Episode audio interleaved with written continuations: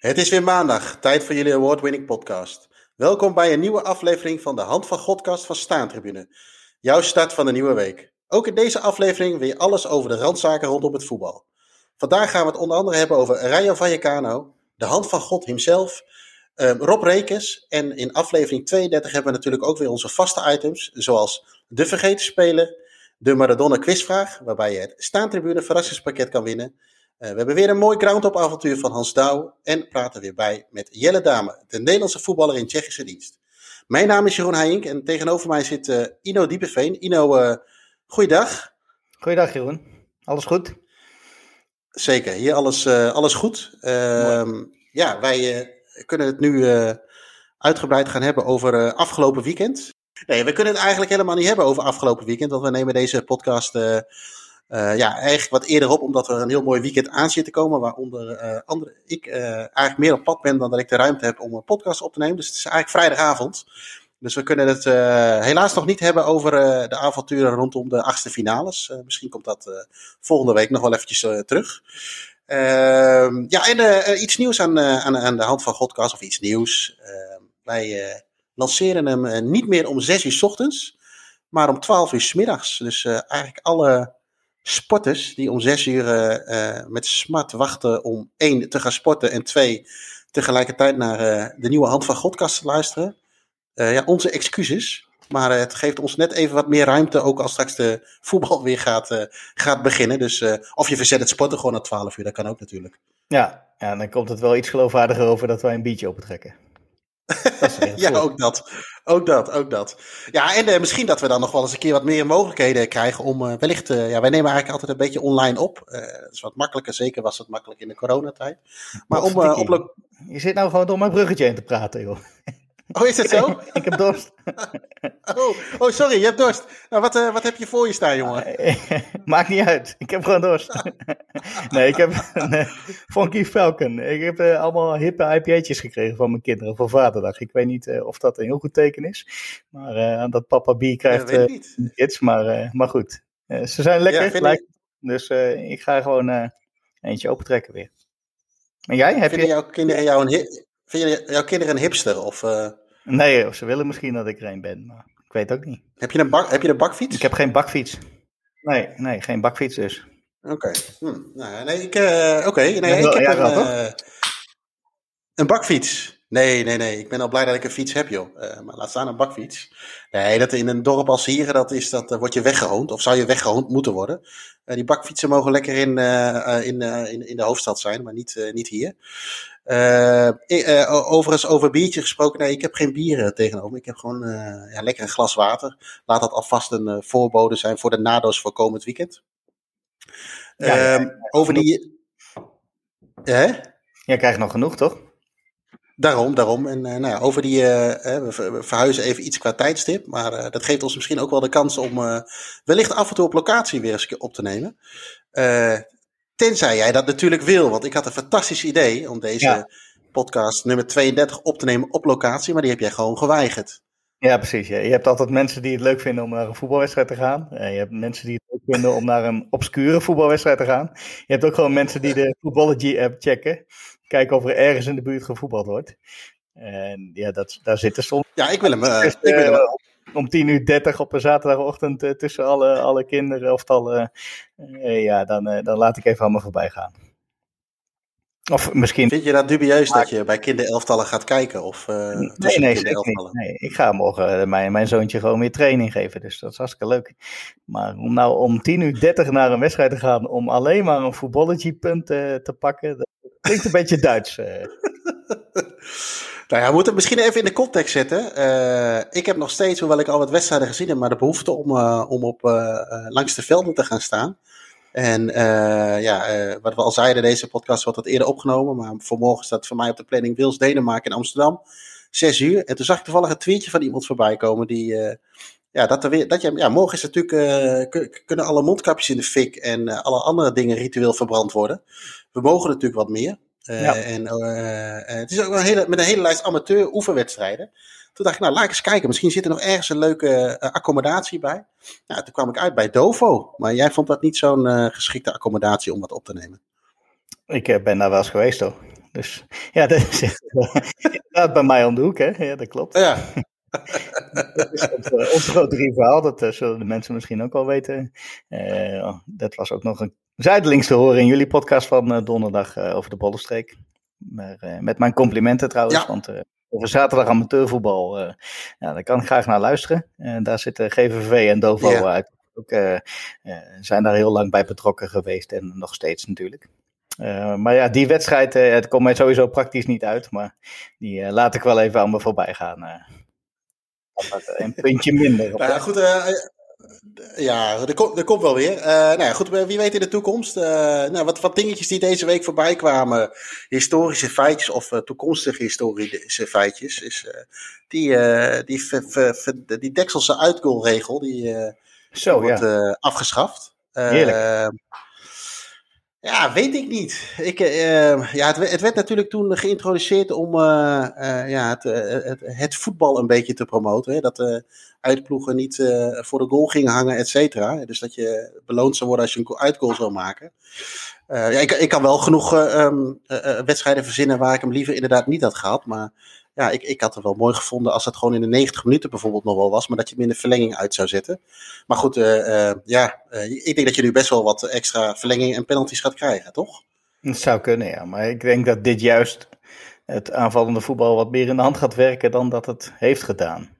Uh, maar goed, dat zullen we zien hoe dat werkt.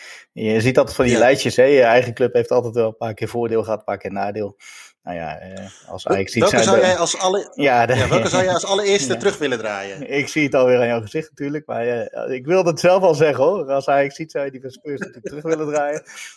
maar ja, kijk, in 92 heb je bijvoorbeeld de UEFA Cup meegewonnen. Met, die, waarbij de finale toen nog over twee wedstrijden ging.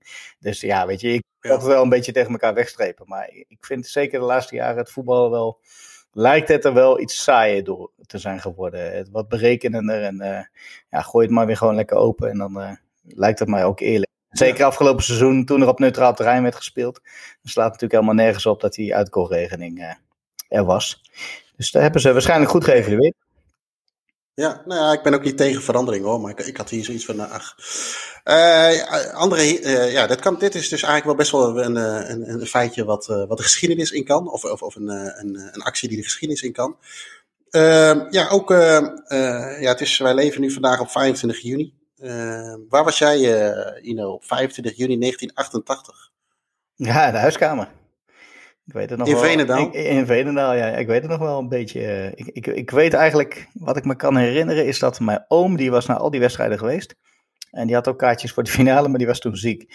Uh, dat, dat vond ik toen heel erg sneu. Dat vond ik echt heel sneu. Ik kon toen niet gaan. Uh, ja, goed, ik was negen, dus verder kan ik me niet heel veel meer van herinneren. Maar ja, uh, nee. het feest natuurlijk wel met z'n allen de straat op. En ja, dat weet ik nog wel.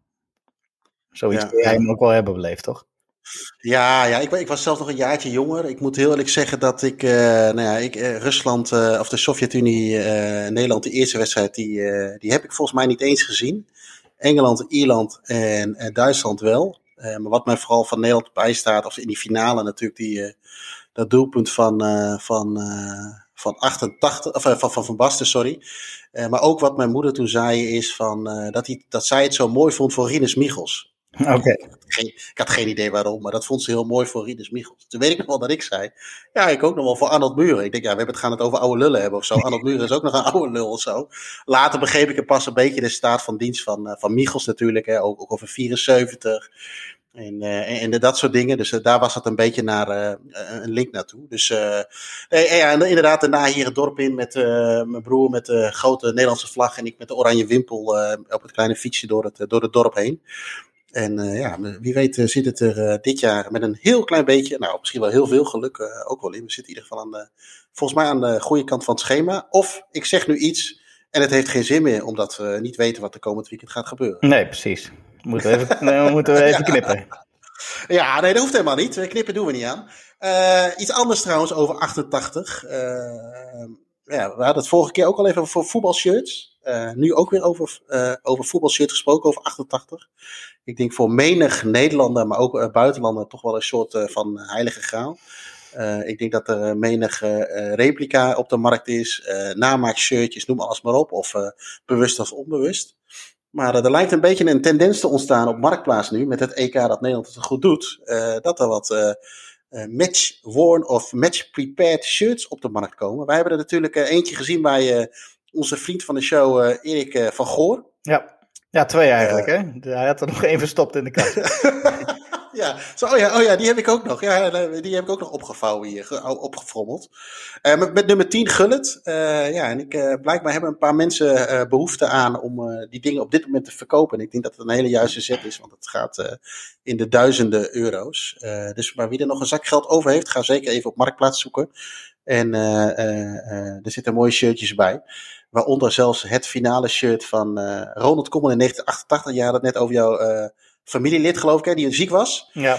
Uh, ja, die gozer die is het verhaal van, van de eigenaar van dat shirt is dat hij bij vier van de vijf wedstrijden is geweest. En ook bij de finale. En dat, dat hij door Koeman is toegeworpen. En aan het eind van de rit, ik weet niet precies wanneer dat gebeurd moet zijn. Maar er staat ook een, een krantenartikel bij. En de echte kennis hebben ook aangegeven dat het ook een echt shirt zou moeten zijn.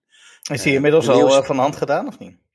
Uh, op dit hij moment, een... tijdens de opname nog niet. Uh, hij stond op 6,5. Oké. Okay. Ja. Maar goed, je weet natuurlijk nooit. ik kan ook nu zeg maar 10.000 neerzetten en dan niet reageren, bij wijze van spreken. Maar goed, het geeft wel een beetje aan dat, dat er veel animo is. iets anders wat me nog ja. opviel is met, met een 25 juni 1978. was de WK-finale. Eh, Nederland-Argentinië. Het eerste wat wij eigenlijk toen straks ook al als voor, ter voorbereiding zeiden van hey, een, finale in uh, ja, nog niet eens echt eind juni, dat is best wel, uh, best wel vroeg. Nou ja, goed, over Erik van Gool gesproken. de man die de 1-1 maakte, Dick Nanninga. Had hij, hij heeft daar ook een shirt van. Ja. Ehm, we, speel, we zouden eigenlijk eerst een uitshirt spelen. wat, wat, Erik, of, ja, wat Erik vertelde. dat werd uiteindelijk toch een thuisshirt. En hij heeft dat, dat uitshirt in zijn bezit. Uh, wit was het geloof ik, hè? Wit ja, dat was een mooi shit. Of wit-oranje, wit, oranje, wit-zwart volgens mij, toch? Uh, nee, dit was niet die met uh, wit met oranje inderdaad, ja. Oh, wit-oranje, ja. Wit-zwart ja. was die van Wim Jansen. Ja. En nummer 18 achterop. Dus was een, ja, een memorabele ook wedstrijd. En ja, ik zei toen straks tegen jou ook al, ik kwam ergens een keer een artikel tegen over, ja, we weten allemaal dat moment van Rob Rensbeek op de paal. Maar Nederland heeft in die wedstrijd nog twee grote kansen gehad, waarvan eentje ook nog uh, door hem. Maar ook een beetje over uh, ja, een soort uh, onderzoek van, ja, kon die bal er überhaupt in en hoe keek hij daar zelf naar? En dat scheen in de afgelopen 40 jaar zijn kijker op nog wel een beetje te ver veranderd te zijn, zeg maar. Ja. ja. Ander dingetje, nog nou, laatste nog eventjes, ook in deze week. ook geen, gelukkig hebben ze uh, niet geloot in de achtste finale. Was natuurlijk nog even spannend uh, afgelopen week. Uh, Portugal-Nederland 2006.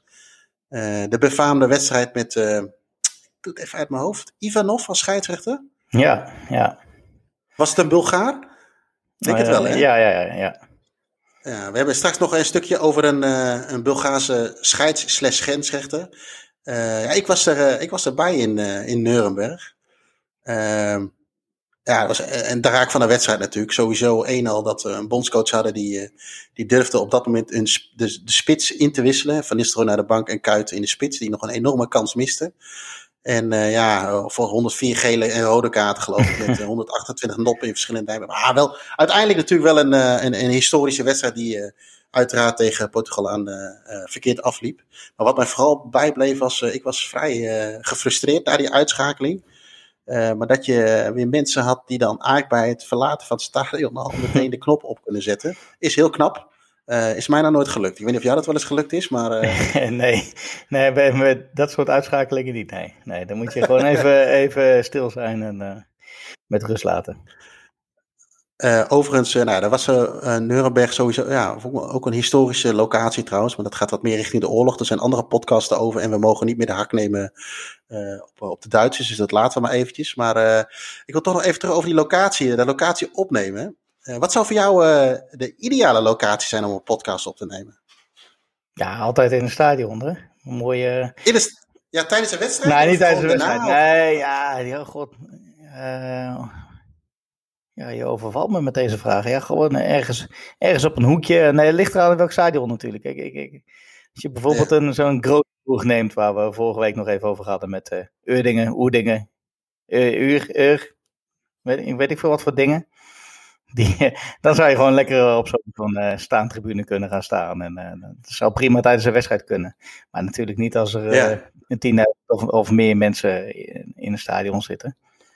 Dan zou ik gewoon lekker even plaatsen naar dat mooie Mexicaanse restaurant ernaast. Ja, met die, met die immens grote schnitzel en pizza, zeg maar. ja. Oké. Okay. nou ja, goed, dat zal misschien wel eens een keer leuk zijn. Of in ieder geval inderdaad op een locatie wat, wat, wat historisch is. en ja, wat je misschien niet zo snel zou vergeten. Over vergeten gesproken.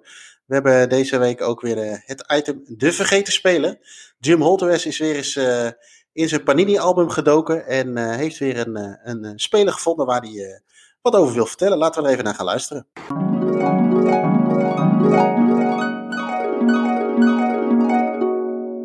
De vergeten speler van deze week is één van de acht voetballers die nooit in de Eredivisie uitkwamen, maar die wel in Nederlands elftal hebben gespeeld.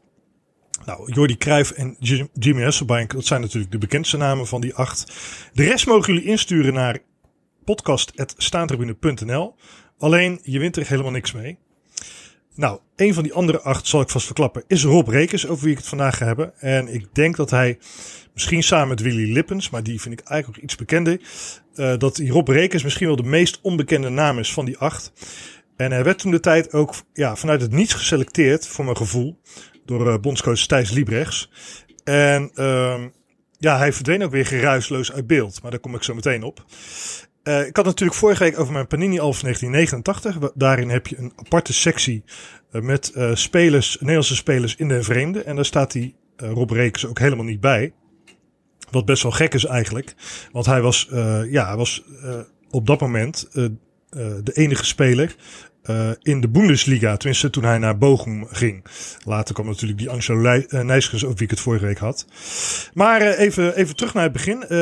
Hij is de zoon van Dick Rekers. En die heeft zelf ook betaald voetbal gespeeld bij Heracles. Nou, zijn zoon Rob is geboren in Enschede op 7 mei 1966. Dus hij is dit jaar 55 jaar geworden. En hij begon met voetballen bij Losser. En op 16-jarige leeftijd, in 1982, verhuisde hij naar eh, FC Twente. En daar kwam hij in drie seizoenen ja, niet verder dan de tweede elftal. De Frits Korbach, toen de tijd trainen, die zag het niet in hem zitten. En zelf zag hij het niet zo zitten om nog een vierde seizoen in tweede te spelen. Dus hij heeft nooit uh, bij het eerste, uh, voor het eerste elftal gespeeld. En hij dacht van nou, ik laat me overschrijven naar een amateurclub net over de grens. En dan moet ik altijd oppassen met mijn Duits. Maar dat was de amateurclub uh, Schoepingen, als ik zo goed uitspreek. Uh, dat kwam uit in de Duitse Oberliga Westfalen. Dus wel een van de hogere klassen van de Duitse amateurvoetbal. En daar kwam hij samen met Jeroen Wotte en Benny Brinkman, die ook bij FC Twente hadden gespeeld, uh, terecht. En tussendoor werkte Rob in de fietszaak van zijn vader Dick. Dus ja, het zou de een mooie titel van een jongensboek kunnen zijn, van fietsenmaker tot international. En uh, hij deed het daar zeer aardig bij dat Schoepingen. Ze werden kampioen, alleen missen op een haar na promotie in de Bundesliga. Nou, dat vind ik wat apart. Uh, heb ik dus gevonden dat dat zo is. Nou, want je zou zeggen, als je kampioen wordt, dan promoveer je ook. Maar misschien dat een van de luisteraars weet hoe dat precies zit. Dat vond ik wat te ver gaan voor dit stukje. Maar hij deed daar dus zo aardig dat er meteen belangstelling was van verschillende profclubs in Duitsland. Waaronder uh, Borussia Mönchengladbach. Uh, wat toen de tijd een aardige club was. Nog steeds natuurlijk wel. Uh, Borussia Dortmund en Kaiserslautern. Maar het werd, hij werd uiteindelijk fullprof bij Bochum. Waar hij uiteindelijk uitgroeide tot een uh, vaste waarde. Hij kwam tot negen seizoenen en 242 competitiewedstrijden waarin hij acht keer scoorde.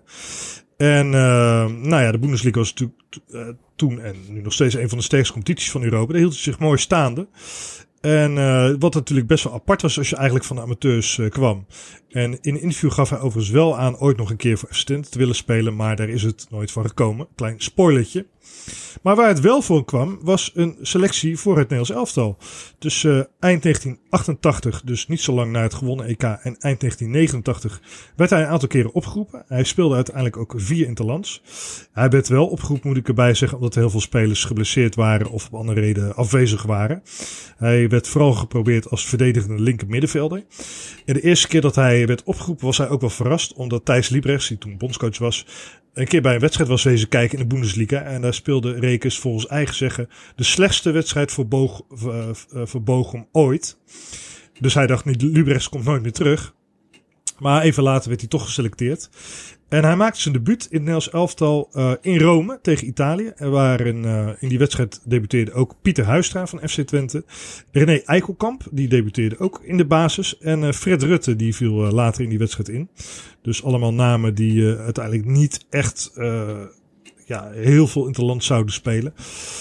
Hoewel natuurlijk wel aardige voetballers. Maar goed, ehm, die reeks werd daarna nog drie keer uh, geselecteerd. En die verdween toen eigenlijk min of meer geruisloos weer het beeld. Uh, bij Bochum hebben ze hem overigens wel eens gevraagd of hij zich wilde laten naturaliseren. Want het was een gewaardeerde kracht. Die had natuurlijk ook die buitenlandenregel toen de tijd uh, in, in Europa. Alleen hij vond dat er weinig financieel tegenover stond. En hij wilde ook absoluut geen Duitser blijven, zei hij in een interview. Dus dat vond ik toch ook wel weer mooi. Nou, wat ik zeg, hij speelde dus vier interlands. Allemaal vriendschappelijk overigens ook. Uh, de definitieve, selectie voor het WK in 1990 in Italië. Daarin werd hij dus niet opgenomen. Uh, hij viel er ruim op tijd af. Niet zoals Edward Sturing op het allerlaatste moment. Het woord Sturing met zo'n mooie blokhead-kapsel toen de tijd nog. Tenminste, dat heeft hij eigenlijk nog steeds. En Johnny Bosman, er waren de laatste afvallen. Staat nog helder voor de geest. Dat die Sturing boos wegliep daar in, in Zeist, volgens mij. Maar goed, um, die ja, die, die Rekens bleef gewoon zijn ding doen bij dat Bochum.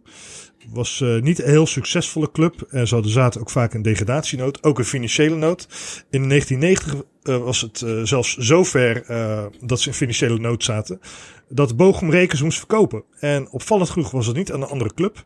Maar aan een sponsor die 1,5 miljoen Duitse mark voor hem neerlegde. Hij bleef daarna nog een paar jaar bij Bochum. In 1994 kreeg hij uh, te kampen met rugklachten. Ja, toen werd hij, was eigenlijk wel treurig, werd hij min of meer aan de kant gezet door Bochum. En uh, ze hadden een nieuwe, ze hadden wel een nieuwe aanbieding gedaan, maar die was verlaagd. Die weigerde hij ook te tekenen. En ja, het was wel triest, want ze hadden ook transfers tegengehouden naar Bastia en Hamburger SV. Nou, Bastia natuurlijk ook een geweldig shirt overigens, met die morenkop. Uh, alleen uh, Bochum vroeg een uh, extreem hoge transfersom voor die tijd van ruim een miljoen gulden voor hem. dus dat wilden die clubs niet betalen. Er was ook wat belangstelling van Nederlandse clubs. Go Ahead Eagles van onze Jeroen en NEC. Die, die wilden hem wel naar Nederland halen, maar die konden zijn persoonlijke wensen niet invullen. En dat kon het, als we goed uitspreek, het Duitse FC Gutterslo dat in de regionaal-liga kwam, die konden zijn uh, wensen wel voldoen. En die betaalde bijna 500.000 gulden voor Rekens aan Bochum. En uh, de eerste seizoen was ook meteen succesvol, want uh, ze promoveerden van de regionaal-liga naar de tweede Bundesliga. Maar een paar jaar later, in 1998, 1999, het jaar waarin ook Feyenoord kampioen werd, klein Rotterdam sausje, ging het bergafwaarts met de club en werden ze ook, uh, moesten het faillissement aanvragen in 2000. Nou, inmiddels was hij naast speler ook assistent geworden van de ploeg. Maar ja, toen ze failliet gingen, dat Gutterslo heeft hij zijn carrière ook beëindigd. Ja, daarna heeft hij echt een hele rits met uh, uh, clubs gehad als assistent-trainer of hoofdtrainer, vaak als assistent. Wordt een klein beetje een opsomming, maar hij is daarna als uh, assistent-trainer aan de slag gegaan bij Roodwijs Oberhaus in de tweede Bundesliga. na drie seizoenen is hij hoofdtrainer geworden van zijn oude club Gutterslo, die opnieuw was opgericht en in de Oberliga Westfalen uitkwam. Uh, daar heeft hij twee seizoenen gezeten. Uh, ze promoveerde niet. Toen is zijn contract ook niet verlengd. Toen is hij eindelijk in december 2005 teruggekeerd naar zijn geboorteplaats, naar Enschede. Uh, naar FC Twente, waar hij trainer van de A2 werd. Hij is er ook een Twentse voetbalschool opgestart. Waarin hij cursussen voetbaltechniek gaf aan kinderen van 7 tot en met 12 jaar. In de stijl van Wiel Curver. Wie kent hem niet? Wie is daar niet groot mee geworden als uh, 40-plusser? En uh, daarna uh, is hij weer bij een reeks clubs terechtgekomen. Uh, 2006, 2008 zat hij bij SUS Stadlon als hoofdtrainer.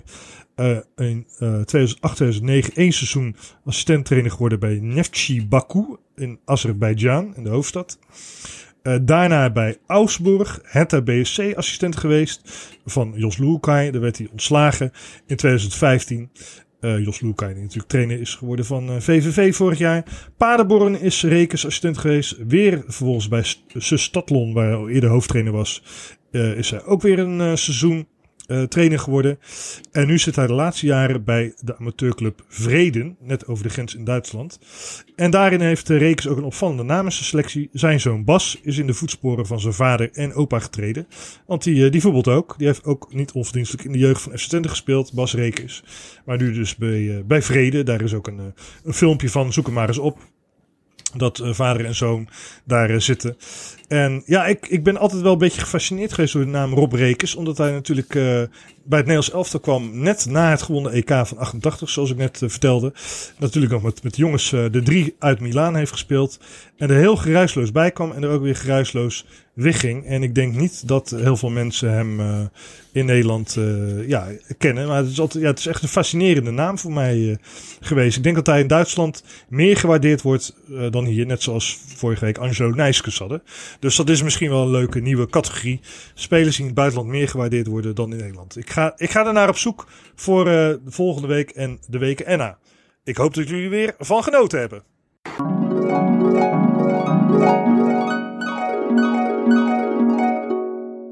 En ben je wel eens, uh, ben je wel eens bij Bochum geweest?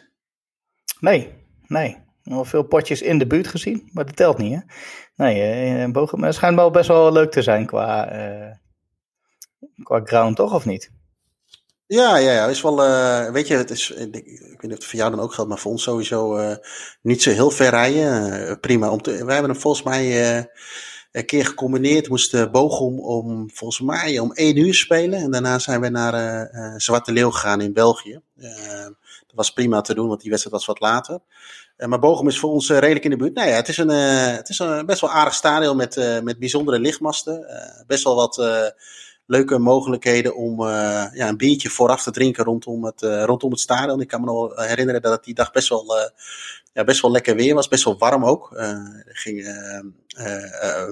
ook tijdens de wedstrijd nog wat gasten die een beetje blauw waren. Die, die vielen bijna om of vielen flauw van het alcohol en de warmte. Daar had ik een beetje het idee. nee, het, is een leuk, leuk potje. En ehm, ehm, wat me ook nog bijstaat daarvan is dat het bier was niet te zuipen. En het broodje worst, waar je toch altijd wel een beetje ja, in Duitsland ook voorkomt. Hè? En, nou een braadwoest of een, hoe heet dat, uh, currywoest. Dat, ja. was, uh, dat was echt verschrikkelijk slecht. Dat, dat worstje was helemaal wit. Okay. En het was niet te vreten en het bier was ook niet te zuipen. En ja, goed, ik heb er nog een keer een, een mooie kabouter gescoord. Die overigens, zo'n zo'n tuinkabouter, die overigens direct uit mijn, uit mijn klauwen viel. Waardoor het, het pootje was afgebroken. Dus nee, dat is zeker, zeker wel, een, wel een aanrader. En, ja, heb je daar ook buiten het stadion die, die winkelwagentjes met waar ze dat bier allemaal in verzamelen? Ja. ja, mooi is dat. Ja, ja, ja die, uh, daar, daar verbaas ik me altijd over. Ik heb altijd in Nederland het idee dat die winkel, winkelwagentjes dan door de straat heen vliegen. Ja. Dat er dan iemand in gaat zitten of zo. Maar in Duitsland doen ze dat toch wel... Uh, goed geordend. Doen ze toch wel netjes, ja. En uh, nou ja, goed, en ik wist ook niet dat Rob Rekers ooit in de selectie zat toen, toen Bochum kampioen werd en promoveerde. En ja, over promoveren gesproken, Ino. jij wil nog even stilstaan bij een kerstverse promovendus. Dus. Dus, ja, zeker. Dus. Ja, een van, een van de mooiste clubjes die ik zelf ooit bezocht heb. Jij volgens mij niet Rayo Vallecano, toch? Nee. Nee, nee. nee. Dus nou, dan heb ik een keer een puntje meer uh, in de Voetballergy-app, hoppa. Uh, nee, maar afgelopen uh, zondag, nou goed, voor de, voor de luisteraars alweer ruim een week geleden, promoveerde Rayo Vallecano wederom weer terug naar, naar de Primera. Die zijn deze eeuw nog een beetje het heen en weer aan het spelen zelfs een keer op het derde niveau beland nog deze eeuw. Maar ze zijn weer terug. En ja, wat hun natuurlijke niveau is, weet ik niet precies. Maar voor de derde club in Madrid, en dan reken ik Getafe en Leganes even niet mee, als, als lanes. Ja. ja, is het gewoon een fantastische club in zo'n wijk in Vallecas. Waar de club natuurlijk naar is vernoemd. als je daar de metro uitkomt, dan, dan loop je de trap omhoog sta je op de stoep tegen een stadion aan. Aan de overkant van de weg al die kroegjes met die, uh, met die, met die linkse uh, groeperingen uh, die daar staan. Het is een beetje het St. Pauli van, van Spanje. dat is Bucaneros noemen ze zichzelf, de zeerovers. maar goed, daar, daar, is het goed toeven met een biertje in de hand en in de zon. uitkijkend op dat stadion. Toen ik daar liep, geen idee waar, hoe ik erop kwam, maar kreeg ik een beetje het Oosterpark gevoel, terwijl ik daar zelf nog nooit ben geweest Maar dat stadion heeft altijd wel een beetje uit aantrekkingskracht op mij gehad. en dat komt voornamelijk door die muur achter het, achter het doel. Waar dan weer pal achter die appartementencomplexen of die flats staan. Nou ja, goed, daar is dus geen plek om een tribune te bouwen. Maar dat is eigenlijk een, een woontribune, want daar staan ja, een hoop Spanjaarden gewoon lekker op een balkonnetje de wedstrijd te volgen. En dat zou me nog wel een keer tof lijken om, om daar een keer te staan. En, nou goed, dan heb ik meteen een mooie podcast ja. verzonnen. maar goed, toen wij daar waren, ja, je stapte die, die trap uit omhoog. Je komt meteen tegen de kassa's aan. Ik koop een kaartje. Ik wilde toen eigenlijk per se vlak bij die muur zitten om dat tafereel eens een beetje te, te aanschouwen. En ook die, die mannen in de gaten te houden die daar dan uh, met een biertje op het uh, balkon staan. Nou, we waren daar in 2014 tegen Almeria. Nou goed, dat was toen uh, nog Primera, maar Almeria vloog in dat seizoen ook uit. Onder andere door de 3-1-nederlaag die wij zagen. En, en er was daar een Argentijnse spits bij Rayo, Larry Vai. die maakte alle drie de doelpunten. En toen zeiden wij echt van, nou, die, die gaat de grote carrière tegemoet. Maar die heeft hij niet gehad. Dus uh, hij heeft wel een hele mooie ground-up carrière gehad. Met hele mooie clubs. Uh, Huracan, uh, Cagliari. Nou goed, na Rayo kwam hij bijvoorbeeld nog bij Celta de Vigo. Maar ook bij de Emiraten. En nog een keer in Japan, in Paraguay. Chili, hij heeft overal gespeeld. maar het kwam niet echt van de grond. Maar die wedstrijd maakte hij zich wel onsterfelijk bij nou ja, wat ik al zei, de, de zeerovers, de Bucaneros, uh, enorm fanatieke aanhang die het hele stadion meekrijgt. Maar die ook vaak in zijn acties een beetje zich, zich afkeert tegen zowel de president als, als de politiek en nou, alles. ze hebben nog wel wat acties op hun geweten. nou, eentje, eentje van de laatste tijd is dat ze Guantanamo noemden ze die. Gingen ze met oranje pakken tegen de politie demonstreren, want de trommels waren afgepakt. Nou, dat soort dingen. En laatst hebben ze nog het stadion schoongemaakt met z'n allen. In schoonmaakkledij. En ze hebben het stadion een poetsbeurt gegeven omdat de president een extreemrechtse van, van de Fox-partij, de extreemrechtse Fox-partij in Spanje, had uitgenodigd. En dat viel daar natuurlijk niet zo heel erg lekker. Ze zijn extreem links. Uh, veel doodskoppen, St. Pauli, uh, murals en dat soort dingen. Uh, maar goed, wel een, wel een hele mooie club met een super fanatieke aanhang. En ik, ik was daar buiten die wedstrijd om een keer met Roy. Toen we daar gewoon op de fiets naartoe gingen. En toen zijn wij eigenlijk. hoorden we wat groesmoes in het stadion. Zijn we gaan kijken, stond de poort open naar binnen gegaan, even training uh, gevolgd. Uh, wat ik daar, en toen kwamen we dus wel op, het, uh, op, het, op de tribune, die staantribune achter het doel, waar die Bucaneros, Bucaneros staan. En dat was destijds met de wedstrijd niet mogelijk om daar te kijken.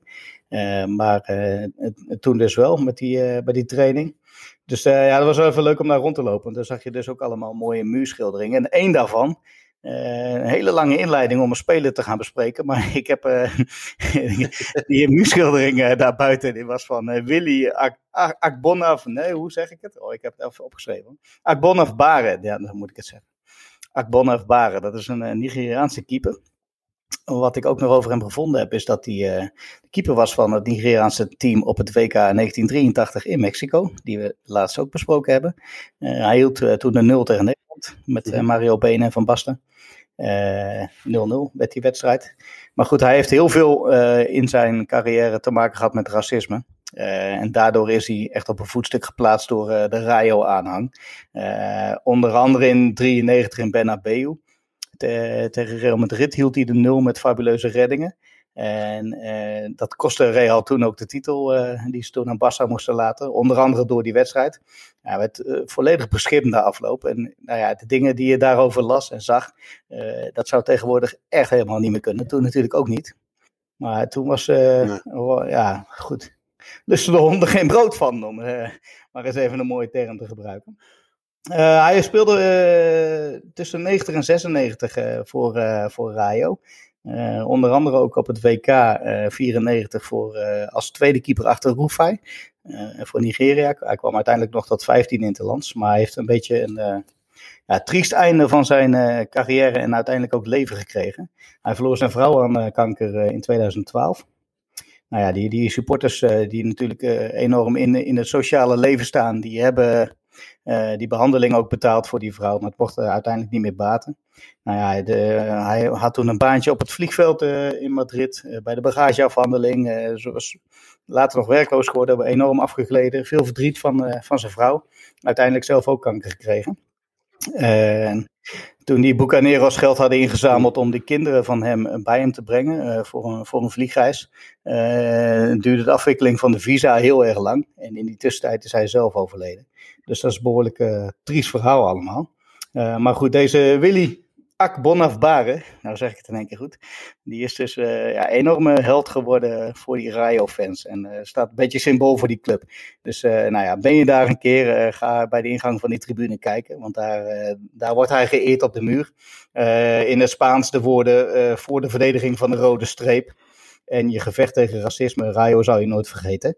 En die rode streep is dan uiteraard de, de diagonale baan, rode baan op het witte shirt. Zoals die ook heeft. En, uh, en natuurlijk River Plate. Ja. Het River template. Ook nog? Koninklijke UD in Deventer. Kijk, kijk, mooi. Ja, altijd ja. mooi. Ja. Dus de, ja. ook, ook qua shirt. Dus, ik heb wel eens vaker gezegd, ik baseer mijn favoriete clubs in een land altijd uh, op shirts en stadion. En Rayo is altijd wel zo'n clubje geweest die ik graag had willen bezoeken. Maar mijn verwachtingen werden echt overtroffen. Dus ga daar echt naartoe, want het is fantastisch. Ja, dat zijn de mooiste, hè, als, het, ja. als de verwachtingen overtroffen worden. Uh, ja, over, uh, over Spanje gesproken. Uh, onze grote held Diego Maradona, die heeft ook in, in Spanje gevoetbald, uiteraard. twee periodes, Barcelona en, en Sevilla. Ehm, ja, en zoals elke week hebben wij ook deze week weer een, een quizvraag over Maradona. Oh mama, mama, mama, oh mama, mama, mama, sai perché mi batte il corazon. Ho visto Maradona, ho visto Maradona. Oh, mama, innamorato son.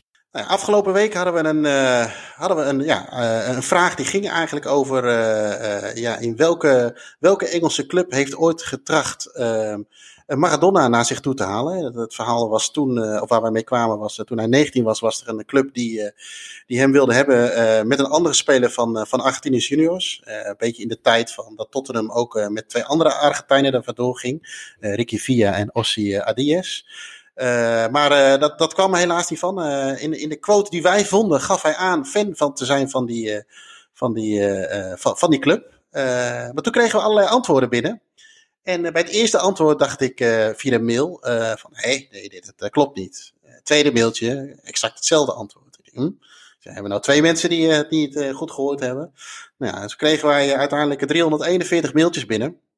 Met het antwoord, allemaal bijna hetzelfde antwoord. Toen zijn we toch een beetje gaan zoeken. Nou, ik moet misschien eerst even zeggen, wij, hebben een, wij zoeken elke week zoeken wij natuurlijk een, een vraag. We gaan een beetje googlen of met iets wat we weten of wat op die, uh, in die week speelt.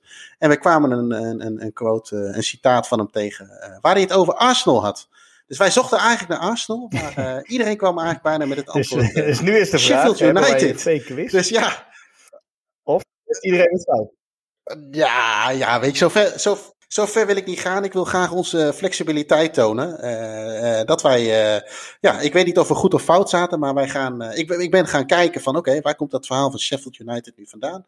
En verdomd, ik heb het ook, ook terug, teruggevonden. Dus misschien moeten we volgende keer bij Google even wat extra pagina's lezen. maar het antwoord is, is dus Sheffield United. meerdere mensen hadden dat dus, dus goed. de winnaar van van, uh, van, van deze prijsvraag is uh, Robin Boersma uit, Groningen. Robin, gefeliciteerd. Het staantribune verrassingspakket komt, komt zo snel mogelijk naar je toe. overigens, ja, in de artikelen die ik nog vond over dit verhaal, is dat eigenlijk een beetje het verhaal was dat Maradona een trial gehad zou hebben bij, bij Ipswich. dat klopt dus niet helemaal. Dat was, was Sheffield United. Uh, in uh, in uh, 78 was de manager van de toenmalige Blades, oftewel Sheffield United, die was uh, in Argentinië en die zag Maradona spelen.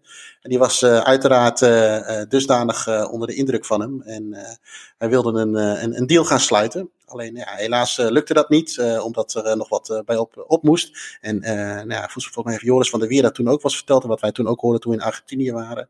In die jaren was men in Argentinië er ook niet zo happig op dat spelers, en zeker niet hun topspelers, naar het buitenland gingen. Alleen Mario Kempis was daar een, een uitzondering van. Uh, ik denk op dat moment bij Valencia, gok ik.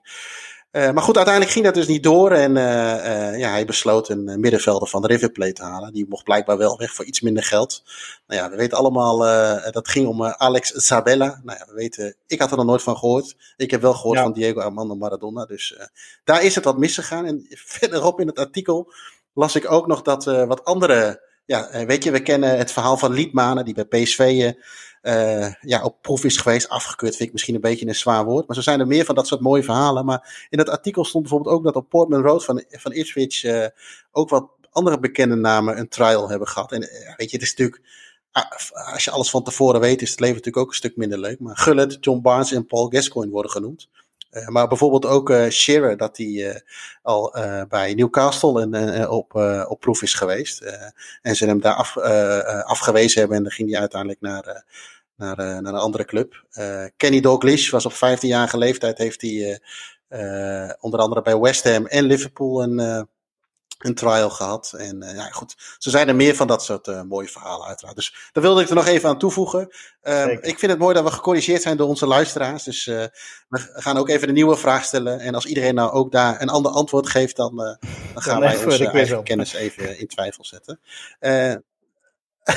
ja, dan ja. laten we dat dan maar doen. Of we gaan gewoon multiple choice doen. Ehm, we hebben ook voor deze week weer uiteraard een, een nieuwe vraag. Ehm, wij komen er zo meteen nog even op terug op het, uh, op het moment. Maar het was uh, 22 juni 1986, Engeland-Argentinië. Onze podcast is ernaar vernoemd. Uh, de Hand van God is, moet ik even snel rekenen, ja. 35 jaar geleden, zeg ik dat goed? Um, de vraag die daarover gaat is, wie gaf eigenlijk de assist op Maradona, waardoor hij uh, dat doelpunt kon maken. En dan hebben we dus niet over die fabuleuze uh, 2-0, maar over die ja, beruchte, roemrijke 1-0. Uh, wie gaf de assist op, uh, op Maradona? Uh, ja, mocht je dit uh, antwoord nou weten, dan kun je dat mailen naar podcast.staantribune.nl. Zet daarin naast het juiste antwoord jouw naam en jouw adresgegevens. En dan maak je kans op het Staantribune verrassingspakket. Oh mama, mama, mama, oh mama, mama, mama, sai perché mi batte il corazon. Ho visto Maradona, ho visto Maradona. Oh, mama, innamorato son. Goed, uh, het Estadio Azteca. Jij hebt er al een keer een, uh, een stukje over verteld. Uh, iemand die er waarschijnlijk, ja, dat weet ik eigenlijk niet, maar ik, volgens mij uh, stond het nog op zijn lijst. ja, die moest de Groundhopper des Vaarlands, Hans Douw. Die moest hem ook nog doen. Uh, dat geldt voor mij denk ik uh, ook wel. En misschien uh, wil nee, jij hem nee, ook nog gezien. wel doen. Of heb je hem wel gezien? Die, die hoort er eigenlijk wel tussen. Nee. Ja, dus die, uh, die staat nog zeker een keer op het lijstje om, uh, om een keer uh, te bezoeken. maar goed, Hans Douwe heeft natuurlijk wel heel veel andere mooie en bijzondere stadions gezien. En heeft daar altijd hele mooie verhalen bij. Ook, ook deze week wil hij graag met ons weer een, een mooi verhaal delen. Wat is dat toch? Voetbal en Chinees eten zijn onlosmakelijk met elkaar verbonden. Onder de cliëntelen van de onvolprezen Aziatische restaurants bevindt zich een bovengemiddeld grote groep groundhoppers. Ook ik ben vaste klant. Als ik een bericht zie over FC Eindhoven, dan denk ik automatisch aan de Oriental Greenhouse op de Aalsterweg. En als ik een Lumbia op een billboard zie, dan dwalen mijn gedachten af naar het Frans Hezen Stadion in Os. Ik bezoek Top Os nooit zonder eerst menu 38 te hebben genuttigd bij Chinees-Kantonees restaurant Buddha. Dat is een vleesmenu met saté, maar het kan ook babi pangang zijn. Waar deze liefde vandaan komt is onduidelijk, maar ik doe een poging. In feite vormen Chinese restaurants de fastfood-variant binnen het landschap der nul-sterren-restaurants. Je wordt snel geholpen, je weet wat je krijgt en als het meezit is het onbeperkt opscheppen. Hoewel de Chinese muur, Mandarin Palace en Hot King los van elkaar staan, lijken alle restaurants tot dezelfde keten te behoren. De Fuyong Hai is overal van stabiele kwaliteit. Kortom, de voetbalsupporter is de grote winnaar. In het verleden heb ik heel wat hachelijke avonturen beleefd. Voor een wedstrijd van Telstar ontdekte ik Walk for You in Velsen. Mijn navigator stuurde mij naar een obscuur en afgelegen bedrijventerrein, waardoor ik het gevoel kreeg op weg te zijn naar een criminele deal.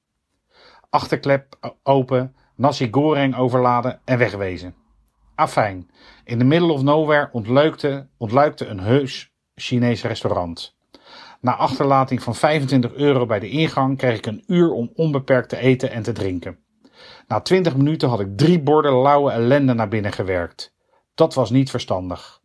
Ik zag dubbel, voelde druk op mijn borst en had geen gevoel meer in mijn benen. Ik sleepte mezelf naar mijn auto en baarde mezelf op in vak B van de Westtribune. Diep in de tweede helft kwam mijn zicht terug en zag ik Telstar winnen van MVV. Dat was dus eens, maar nooit weer. Ook legendarisch was een bezoek aan Kerkrade. Rode JC speelde op 13 mei 2018 in de play-offs tegen Almere City. Op de heenweg had ik 2,5 uur mij zitten verheugen op een diner bij Wok Parkstad Plaza, schuin tegenover de hoofdingang van het stadion. Eenmaal ter plaatse bleek de parkeerplaats voor het restaurant vol te zijn. Chockvol. Dat betekende niet veel goeds. Binnen was de enorme vreedschuur stijf uitverkocht. Ik had iets over het hoofd gezien. Het was moederdag vandaag. Oftewel die ene dag van het jaar waarop moeder niet hoeft te koken en vader, uh, vader zijn gezin dan meeneemt naar de Chinees. Ik raakte in paniek en bedacht een plan. Ik meldde mij bij de receptie en blufte dat ik gereserveerd had onder de naam Hazes. Dat getuigde op zich van een slechte smaak, maar in allerijl werd een geïmproviseerde tafel ingericht. Wij ploften neer en schoven in no time de gebruikelijke berg calorieën naar binnen. Drie uur later was Rode JC gedegradeerd. Maar de Chinees was een groot succes. Als ik dan toch ziek moet worden van eten, dan het liefst van Chinees. Dat zullen veel, heel veel voetbalsupporters met mij eens zijn. Ja, Ja. de Chinees. Ino, ben jij een eh, fervent fan van de Nou, Nederlandse jawel. Chinees? Jawel, zeker. Dit- ik denk dat eh, alle voetballers dat wel een beetje hebben, zoals Hans ook al zei. Hè? ja, ik, ik mag dat graag. Eh, Maar ik, ik combineer het niet heel vaak met een stadionbezoek. Eh, eigenlijk nooit zelfs. Eh, dat, dan eh, beperk ik me toch vaak tot een Febo of Loetje of nou, dat soort dingen. En eh, wat je zegt, in Duitsland eh curry, de currywurst en, eh, Ja. en de schnitzel en dat soort dingen. Maar de, die Chinees, ik hoorde jou vorige week in Kreeveld ook Ja. al eh, dat noemen. Ik denk dat jij dat dan vaker eh, bezoekt, eh, in combinatie met een wedstrijd dan. Eh, ja, ja, zeker voor de wedstrijd. Ja, weet je, we hebben wat, eh, wat kennis in de groep zitten. Die, eh, dat vertelde ik de vorige keer volgens mij ook al. Die, eh, die eh, uitstekende adresjes al uit zijn hoofd weet. Je hoeft maar een stad in Duitsland of in Nederland te noemen, of een regio. En hij noemt twee, drie namen op van, van restaurants. Dan heeft hij ook meteen een, een, een, een volgorde bij en, en een specialiteit. Nou ja, in Duitsland heb je natuurlijk veel van die all-you-can-eat concepten. En ja, hij heeft ons eigenlijk nog nooit, nooit daarin teleurgesteld. En het is eigenlijk een beetje, een beetje een vaste prik geworden. Eh, maar goed, de ene Chinees is de andere Chinees niet. Eh, wat, hij, eh, wat Hans ook al zei, ik heb, ben ook wel eens een keer bij een Chinees bij, in Glasgow geweest. Dat was toen met een van mijn beste maten. Ging, dat was eigenlijk toen mijn eerste tripje met hem samen. En dan zit je nog een beetje in zo'n zo'n soort afwachtende houding. We kenden elkaar nog niet zo goed. En eh, hij zei hier biertje. denk ik, ja, is goed. Dus je gaat elkaar een beetje pleasen, zeg maar. Hè, van, eh, dat je alles wel leuk vindt. Terwijl je misschien zelf eigenlijk wat anders wil. Maar je wil niet meteen eh, de moeilijke Hendrik uithangen. En eh, toen moesten we eten gaan, gaan eten. eh, of een restaurant gaan zoeken. En eh, ik denk dat wij eh, misschien wel een uur door die straten Ja. hebben geslend. Zullen we hier eten? Of zullen we toch nog even verder kijken? Nou, dat werd eh, twintig keer herhaald. En toen kwamen we uiteindelijk toch bij een Chinees terecht. En het was eh, eh, Nederlands, eh, Schotland-Nederland eh, 2003 op eh, Hamden Park. Eh playoffs voor eh, het EK in, eh, in Portugal. Eh, eh, heel treurig verloren met 1-0 overigens. Eh, maar toen gingen we daar dus zitten, hoop Nederlanders. En eh nou, kreeg datzelfde gemattel eigenlijk weer bij de menukaart, bij het bestellen. Kijk, nu is het allemaal zo, weet je, we bestellen voor iedereen wat, er zit nog wat op tafel en we gaan gewoon eten. En de pot betaalt, hè. De pot die is, eh, die is, eh, die is oneindig. En eh, toen hebben wij een hele wijze levensles gehad. Eh, bestel altijd waar de kok goed in is. Dus bij de Chinees bestel je Chinees, bij de, bij de Italiaan bestel je pizza of pasta en geen andere dingen. Eh, wij besloten te bes- een eh, sirloin Ja. steak te bestellen bij de Chinees. Nou ja, dat is op zich misschien niet eens zo, nou ja, dat zou nog kunnen. Hè? Maar toen kregen wij een bordje, eh, een rond bordje, een paar doppetjes, een paar, nou, soort van aardappeltjes of zo. En een eh, plak smak. op, op ons bord. En uh, ik zat zo te kijken. Ik denk, godverdorie, zeg, wat is dit nou? Dat is dan niet, uh, dat is dan niet te vreten. En dat is bij de Chinees. En toen keek ik zo naast ons. En er zaten wat Nederlandse elftal supports. Die hadden heel goed gedaan. Die hadden een soort van rijsttafel besteld. Ik weet niet of dat in andere landen ook Rice table, ja. Dat was een rice table waarschijnlijk. En, uh, ja, en die, uh, die zat helemaal vol. Dus dat was onze, onze levensles. En dit is ons daarna ook nooit meer overkomen. Dus, uh, maar ik, ik, ja, ik, ik hou er wel van, Chinees. Ik heb ook overigens nog een keer over, dat is de laatste Chinese avontuur. Ik ben de Napoli PSV. Napoli is denk ik als, is de enige wedstrijd waar ik ooit ben geweest als uitsupporter. Dus dan heb ik het niet over als neutrale supporter. Maar als uitsupporter waarvan ik dacht van oei, hier moet, je, hier moet je echt goed opletten. Ik denk dat we wel vier keer opgelicht zijn. We zaten met een paar gasten uh, in een kroegje. Heet het dezelfde scootertjes langs om naar binnen te loeren en noem alles maar op. Uh, we wilden bij het stadion bij het uitvak afgezet worden. En die gast, die taxichauffeur, zette ons midden op het plein bij Napoli supporters af. En uh, toen, uh, nou goed, uiteindelijk ging het allemaal wel goed. Uh, we hebben een hele hoop verhalen gehoord van Nederlanders die, die achterna gezeten zijn. En later hoorde ik ook nog verhalen over dat, ja, weet je, dan mag PSV daarin wat kleiner zijn dan een, bijvoorbeeld een, een Poolse club. Maar die, die Polen die zijn ze ook gewoon achterna gegaan. Maar goed, toen moesten we na de wedstrijd anderhalf uur wachten. En daarna moesten we ook weer terug naar het centrum met, met bussen onder politiebegeleiding. En toen uh, hebben we volgens mij drie keer zo lang erover gedaan. Om, en toen werden we ergens op een soort van nou, of iets dergelijks gedropt. En werden we gewoon eruit gezet. En we keken een beetje om ons heen. En we hadden zoiets ja, dit is, dit is nog steeds geen, geen, we hadden nog steeds geen veilig gevoel. Dus we liepen een straat verder. En dat zat ook een Chinees. En toen hebben we denk ik in die Chinees uit een beetje een soort van angst slash veiligheid hebben we denk ik misschien wel drie, vier uur gezeten. Totdat we eindelijk dachten van uh, het, uh, het is weer veilig. En dan hebben we ook eigenlijk de hele kaart weer, uh, weer gegeten. Dus nou ja, dat, is, dat, zijn, dat zijn wel achteraf leuke verhalen. Maar Napoli was het enige pot waarvan ja. ik dacht van poeh, dat is best wel pittig hier. En het was zelfs nummer 6 in de pool die al gespeeld was. Dus er stond eigenlijk weinig op spel. Maar dat maakt voor die Napolitanen volgens mij vrij weinig uit. Ehm, ja, over Napoli gesproken. Uh, ja, we noemden het net al bij de prijsvraag. 22 juni 1986. Kwartfinale. Estadio Azteca. Uh, 2-1 voor uh, Argentinië tegen Engeland. Uh, een, ja, wat we al zeiden, een beruchte goal. Dit is het beruchte, het, het de hand van God. Voor onze podcast. Van God 35 jaar geleden. Ja, ja. Ja, dus daar moeten we eigenlijk wel ja, even bij stil bij staan, vonden wij. Alles, Ino, of alles niet? wat Diego is en was, kwam in, in vijf minuten samen. Zijn genialiteit en zijn, en zijn andere kant. In die film wordt dat heel mooi uitgelegd. Uh, Diego werd Maradona of Maradona werd Diego. Dus, uh, dat, dat ging heel heen en weer. En de laatste, ja. hoe verder hij kwam in zijn voetbalcarrière, hoe meer het Maradona werd en hoe minder we nog Diego zagen. Maar de, ja, de, deze, dit soort spelers die gaan er nooit meer komen met, met zo'n randje natuurlijk. Want dat wordt allemaal in de, in de kaders gehouden natuurlijk tegenwoordig. Uh, dus ja, maar hij is de grootste ooit en zal dat ook Ja. altijd blijven. Ja. En eh, daar- kun je met mij een discussie over aangaan, maar die, eh, die, die- daar, ga ik, daar ga ik nooit aan toegeven. Eh, en hij is onder andere zo groot, dat weet ik ook wel, door, door die hemsballen en door die rafelrandjes. Maar goed, dat maakt hem zo mooi. Fantastisch. Maar jij, eh, jij bent een klein beetje volgens mij in die, eh, Ja, dat, in die hand van God gedoken, dat, toch? Wie gaf die assist eigenlijk? ja, nou ja, goed, kijk, wat je zegt over het randje. Wie gaf die assist eigenlijk? Wat zeg je? Eh, ik ga zo even in mijn mailbox kijken. Eh, eh, nou ja, La Mano de Dios, zoals hij dat zelf mooi zei in het interview na de wedstrijd, de hand van God. Eh, het mooie hieraan vind ik, ja, je had het over het randje. Natuurlijk heeft hij nog veel meer geniale momenten gekend. Eh, maar dit zijn, wel de, een van de, dit zijn wel de belangrijke dingen die we onder andere van hem weten. Eh, maar het mooie vind ik ook wel is, ja, kun je sorry zeggen voor iets waarvoor je geen spijt hebt. Hè? Hij heeft er ook geen spijt van. Dus ja, waarvoor zou je dan sorry zeggen? Ik weet dat Pieter Schilter nog steeds eh emmers vol huilt met, Ja, met, met, tranen. met tranen over dat het geen eerlijk spel was.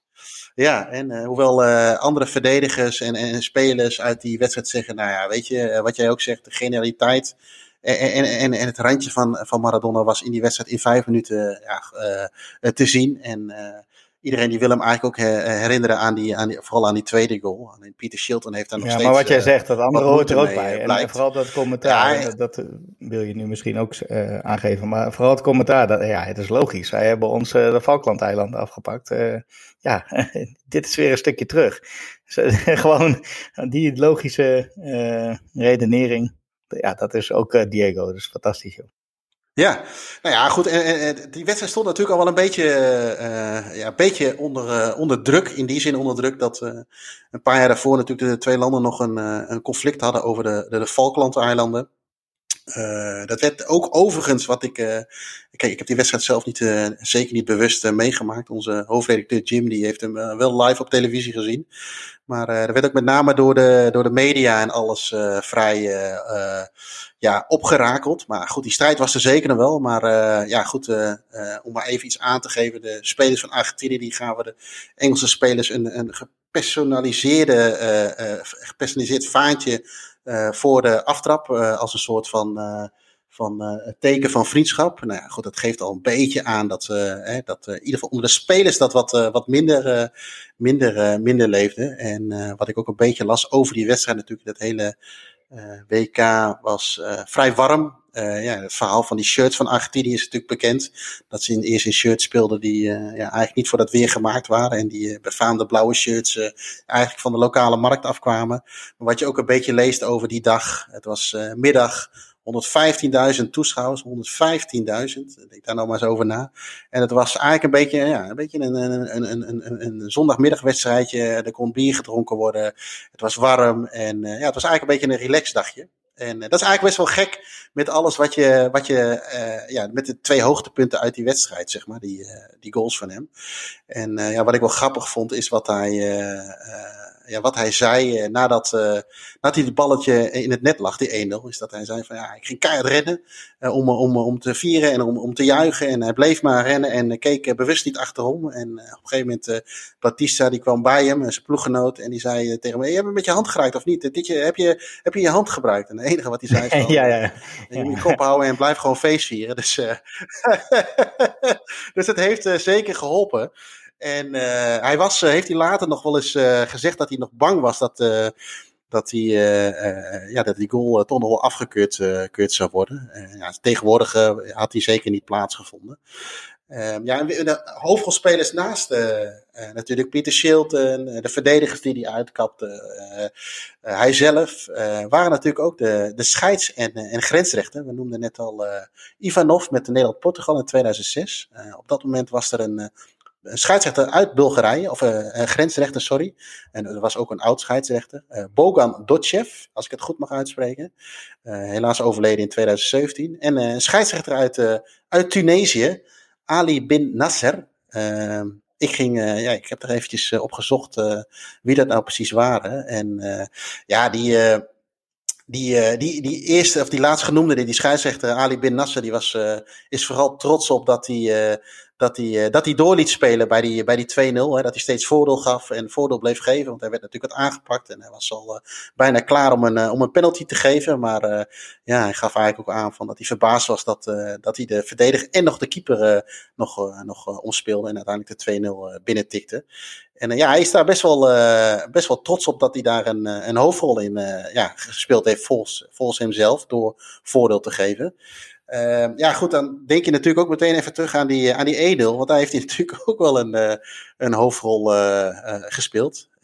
De verhalen achteraf zijn dat zowel Bin Nasser als Dotchev het, het niet gezien hebben, elkaar aangekeken hebben, allebei niet gereageerd hebben. En toen was het ook nog wel zo dat ja, als grens nog niet zo heel makkelijk de, de, de, de scheids overrolde in die tijd. Uh, ja. Ik heb soms nu wel het idee dat het andersom is. Tenzij je in team Makkeli zit, hè, want dan word je er gewoon uitgeflikkerd. Uh, maar uh, ja, ze hadden allebei de, de handsbal niet gezien. En ja, ze hadden duidelijke instructies daarover. Van ja, als je iets niet ziet, dan, ja, dan moet je. Zijn assistent stond er beter voor, of zijn, de grensrechter stond er beter voor volgens hem. En die, die gaf niks aan, dus moest hij dat.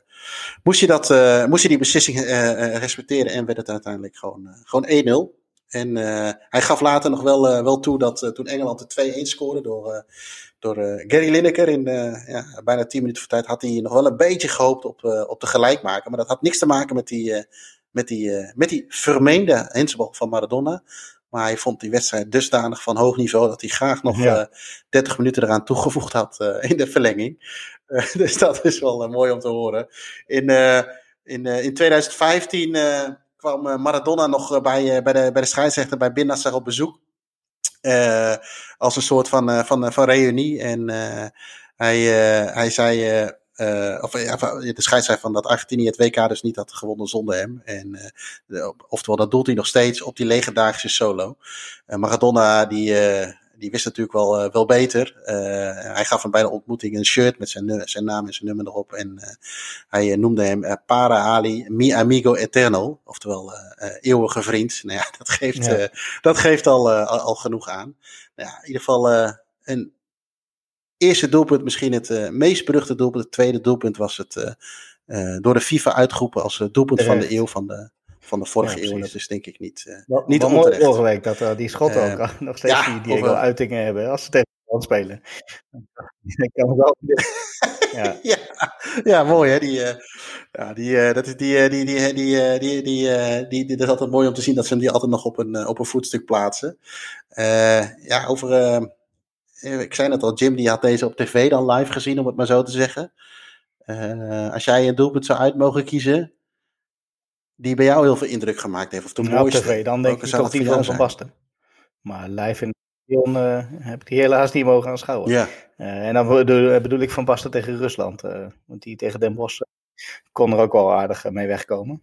nee. Eh, ja, li- live in het stadion, eh, ja, dat denk ik Ja. in eerste instantie aan nee, die solo van Slatan tegen NAC. Eh, ook een beetje aan Van der Vaart tegen Feyenoord, de hakbal. Oh ja, Die, eh, die ik wel lekker vond, maar dat had ook eh, een klein beetje met de tegenstander te maken. En twee jaar geleden zagen wij bij Betis Barça Ja. het doelpunt wat volgens mij toen ook dat jaar tot winnaar is uitgeroepen, die van Messi.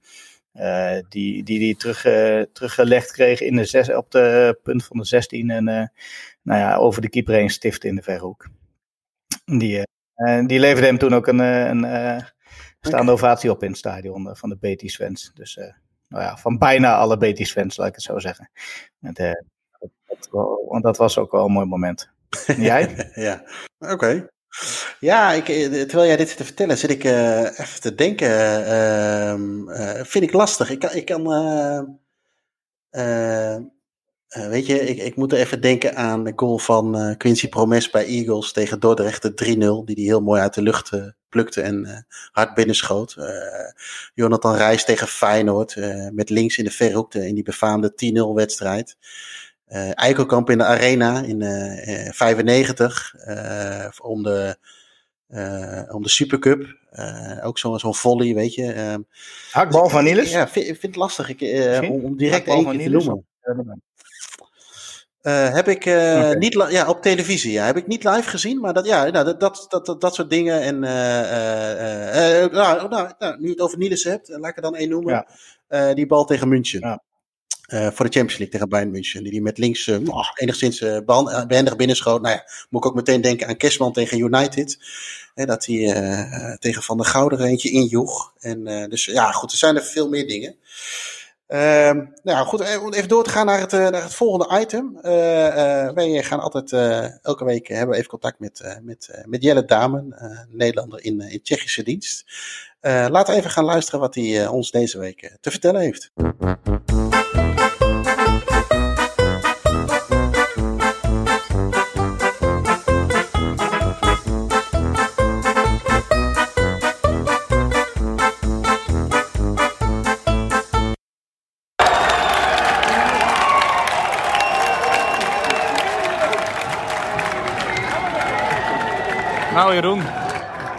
Je hoort het. Groot feest hier, want Matthijs de Licht krijgt een rode kaart.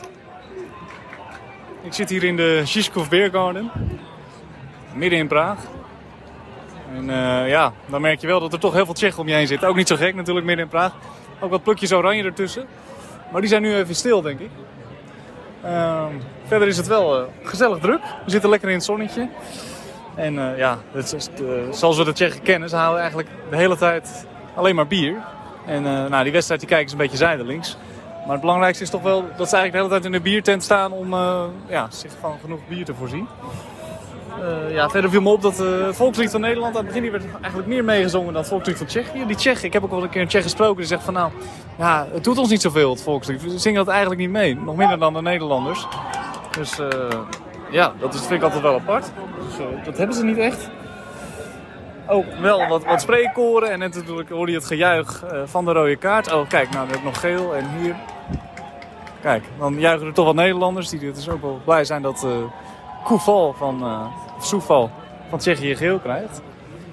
Maar goed, het wordt wel een lastige opgave zo. Maar goed, maar ja, als jullie dit uh, horen, dan weten jullie de uitslag al natuurlijk. Ik hoop dat, uh, dan, dat we dan gewoon opgelucht adem kunnen halen, maar ik ben er toch bang voor. Maar ja, wie weet, Malen of, of Memphis. Nou, dat was hem denk ik. Ik spreek je later weer. En succes met de podcast. Yo.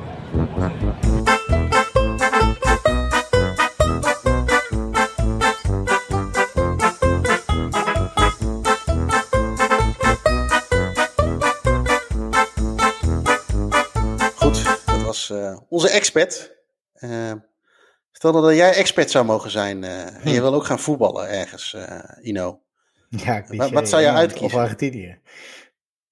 ik, denk, ik denk dat ik ja, Ik zou uh, chorizo verkopen gaan worden, denk ik. Dat wil combineren met voetballen, weet ik niet of dat een hele goede combi is.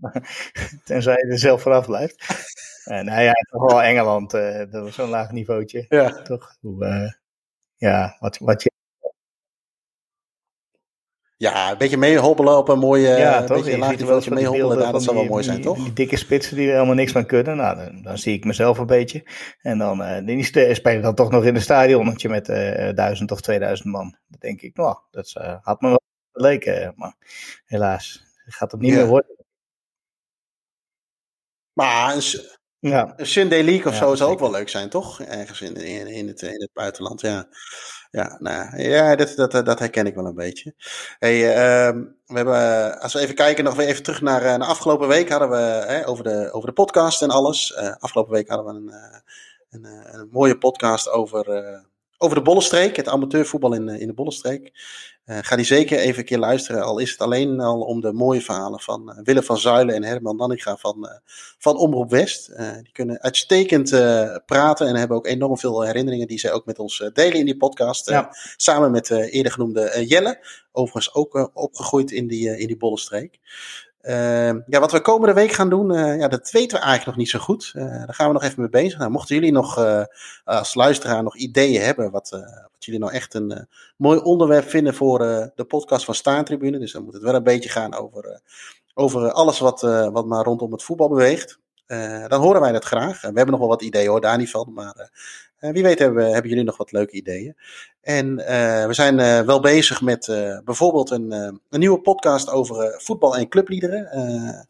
Hugo Stam heeft daar vorige week een tweetje over. Nou, we gaan proberen van een x aantal landen de mooiste clubliederen per land te bespreken. ja, hebben jullie daar nog ideeën over? Dan horen we dat graag via de socials of via podcast.staantribune. Um, ja, goed, dat, yes. dat was het weer voor deze week, Ino. bedankt. Uh, luisteraars, bedankt voor het luisteren naar, uh, naar deze aflevering van, uh, van de Hand van Godcast. Nou ja, wat, zoals net al gezegd, mochten jullie tips, ideeën, opmerkingen of vragen hebben, dan horen we dat uiteraard graag. die kun je dus mailen naar podcast.staantribune.nl. daarnaast zouden we het wel heel leuk vinden als jullie een recensie zouden willen achterlaten op iTunes. normaal gesproken gaan we dan na dit standaard riedeltje even naar onze vriend van de show, Ed de Jong. Maar voordat we dat gaan doen, Eerst nog eventjes dit. Ahí lo tiene Marabona, lo marcan dos, la arranca por la el del fútbol mundial, y deja el para siempre Marabona.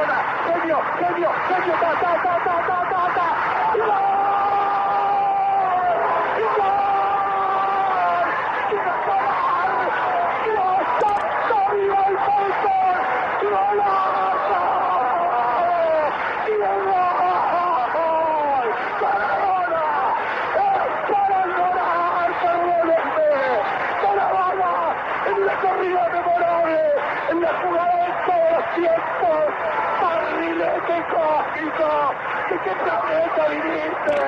Para dejar el chavinetante inglés. Para que el país se opulle apretado. Gritando por Argentina. Argentina 2. Inglaterra 0. Diego. Diego. Diego Armando Maradona.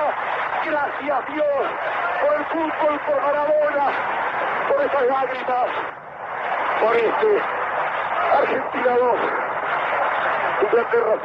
Dat was hem weer, snuiters. Tot volgende week. Fantastic.